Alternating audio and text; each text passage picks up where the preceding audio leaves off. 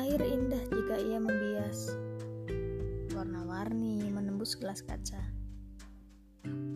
Ulat cantik jika ia memiliki sayap, bergerak dan hinggap.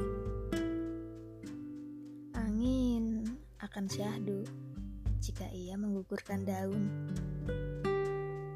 Namun daun tak pernah membencinya. Manusia akan bijak dengan caranya. Tak perlu membias, tak perlu bersayap tak perlu menggugurkan dedaunan. Bertumbuhlah saja dengan cerita baik di setiap alineanya.